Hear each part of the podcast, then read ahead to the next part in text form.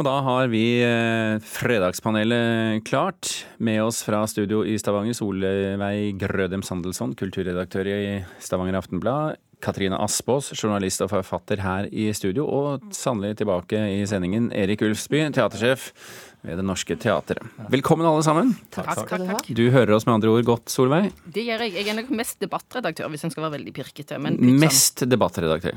Det er veldig, jeg syns det er veldig sympatisk av deg å si det på den måten. Ja. Ja. Ehm, Vi går til eh, første spørsmål. NRK lager dramaserie om 22. juli, det fikk vi høre denne uken. Men Anders Behring Breivik skal ikke bli en del av serien. For, som regissør Sara Johnsen sier, han fortjener ikke plass i en slik historie. Spørsmålet vårt er 22. juli uten ABB, er det en riktig avgjørelse? Og vi kan begynne i Stavanger. Ja. Det var skikkelig vanskelig, men, men jeg har landa på ja. Ja. Ja. Hvorfor var du i tvil, uh, Ulfsby? Fordi at selvfølgelig uh, 22. juli eh, ble jo en realitet pga. Uh, dette mennesket. Eh, sånn at det er klart at eh, å ta vekk premisset for hele historien er selvfølgelig krevende, men på den annen side så, så er det klart at eh, det er på tide at han ties i hjel. Uh, Sandelsson?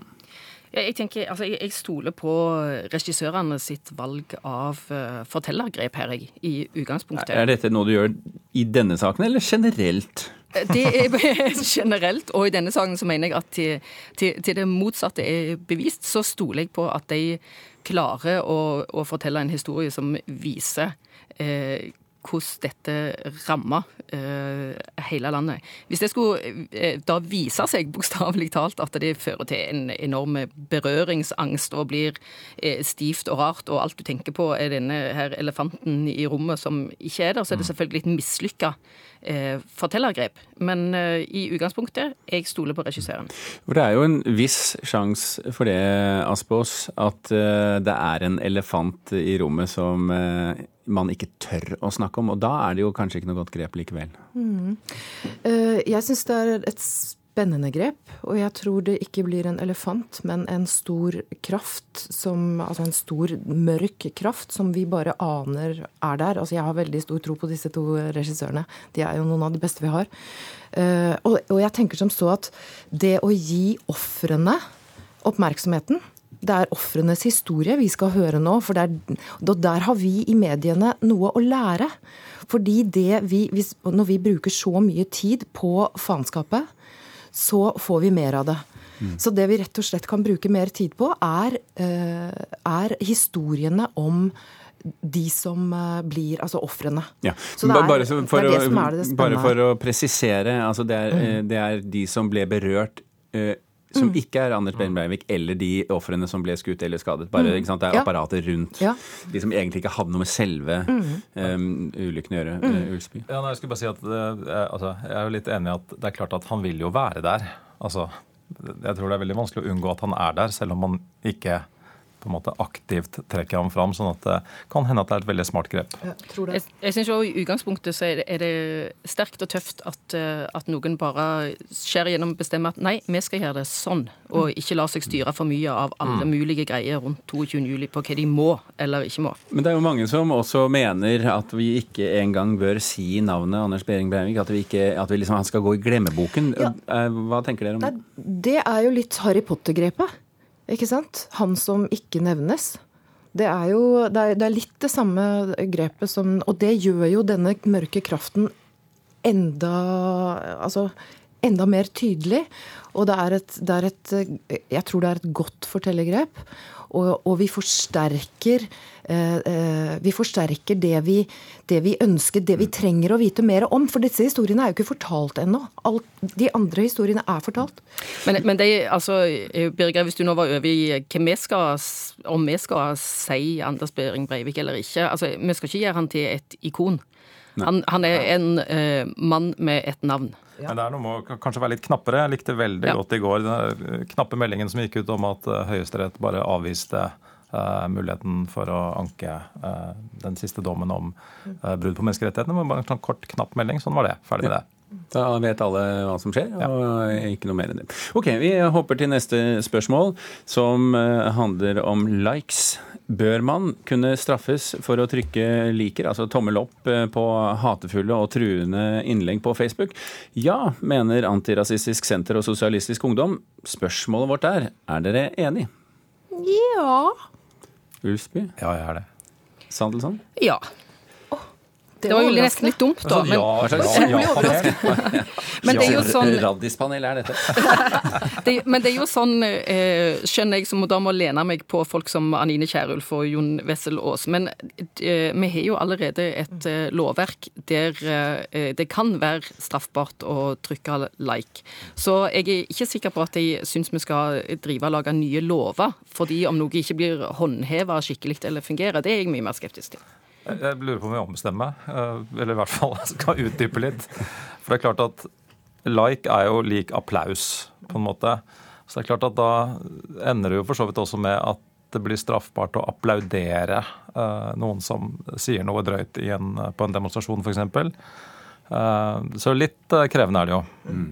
Aspaas, dette handler jo om eh, også eh, ytringsfriheten til de som, ja. som, er enig i et politisk budskap. Ja da. Eh, men på et eller annet Vi trenger Vi har en polaris... Altså vi trenger å røkte debatten. Helt åpenbart så trenger vi en, en samfunnsdebatt med visse kjøreregler. Og spørsmålet er, Vi må være oppfinnsomme for å finne ok, hvordan skal vi unngå polarisering. Og hvordan skal vi liksom få folk og oss sjøl til å roe reka når det går en kule varmt. Og, og, spørsmålet er hvordan gjør vi det? Og så tenker jeg, Vi trenger trafikkregler. Mm.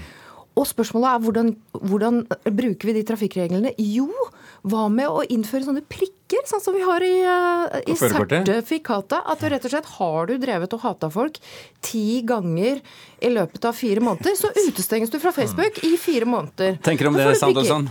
Ja, Du får ringe til Facebook og foreslå det. Men eh, altså, det jo, vi har jo faktisk et regelverk. Det fins eh, ytringer som, eh, er, som blir ramma av straffeloven. Altså det er eh, eh framsette trusler, grove hatytringer, oppfordre til straffbare handlinger. Sånn at eh, eh, vi trenger ikke Vi trenger egentlig ikke noe mer enn det. Ytringsfrihet til de som Det, det er liksom ikke snakk om enkle politiske ytringer. Det var ikke på det nivået de som snakket for dette det var. Det er på det nivået der ytringene du i tilfelle liker, allerede er straffbare. Og det har vi faktisk i Norge. Og så er det vanskelig å definere hva en leik er. Altså Når jeg leker, deler jeg da på min vegg, og vet jeg at jeg gjør det. Hvis jeg da er med og sprer trusler eller oppfordring til drap eller voldtekt, så kan en si at det allerede er ramma av det, den straffeloven som kort, vi har. Kort innpå, Ja, nei, jeg skulle bare si at altså, det, det er tvilsomt om en tommel opp er en ytring. En deling av det er jo noe annet. Men, men eh, ja, nei, jeg ombestemte meg i løpet av samtalen. ok, Men se om du ombestemmer deg på neste spørsmål òg, da. Etter hvert som de skrider frem og snakker temaene eh, kloke. Filmen 'Wonder Woman', som vi snakket om litt der tidligere, har tatt både kritikere og publikum i USA med storm, og den omtales som en milepæl for filmindustrien. Skuespiller Lisa Loven Kongsli spiller tanten til Wonder Woman i filmen, og hun sa til oss denne uken at hun tror flere kvinner vil se filmen fordi den er om og med kvinner. Så spørsmålet vårt i dag er bør filmindustrien lage flere filmer med kvinnelige actionhelter for å få flere kvinner til å se actionfilmer? Ulf Nei, nå klinker jeg til med et nei. Ja. Selvfølgelig! Ja, og Sandelsson. Jeg skulle hatt sånn ja til første delen av spørsmålet og nei til den andre delen. Ja, okay. Det kan du få i dag. Men okay. Eh, vi begynner med Ulf Spy.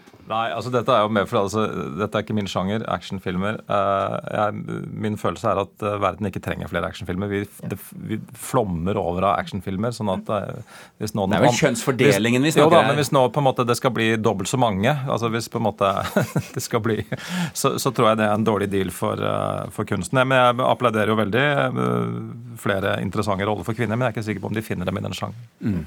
Aspås? Ja, altså det er jo, det er jo Forskningen viser det.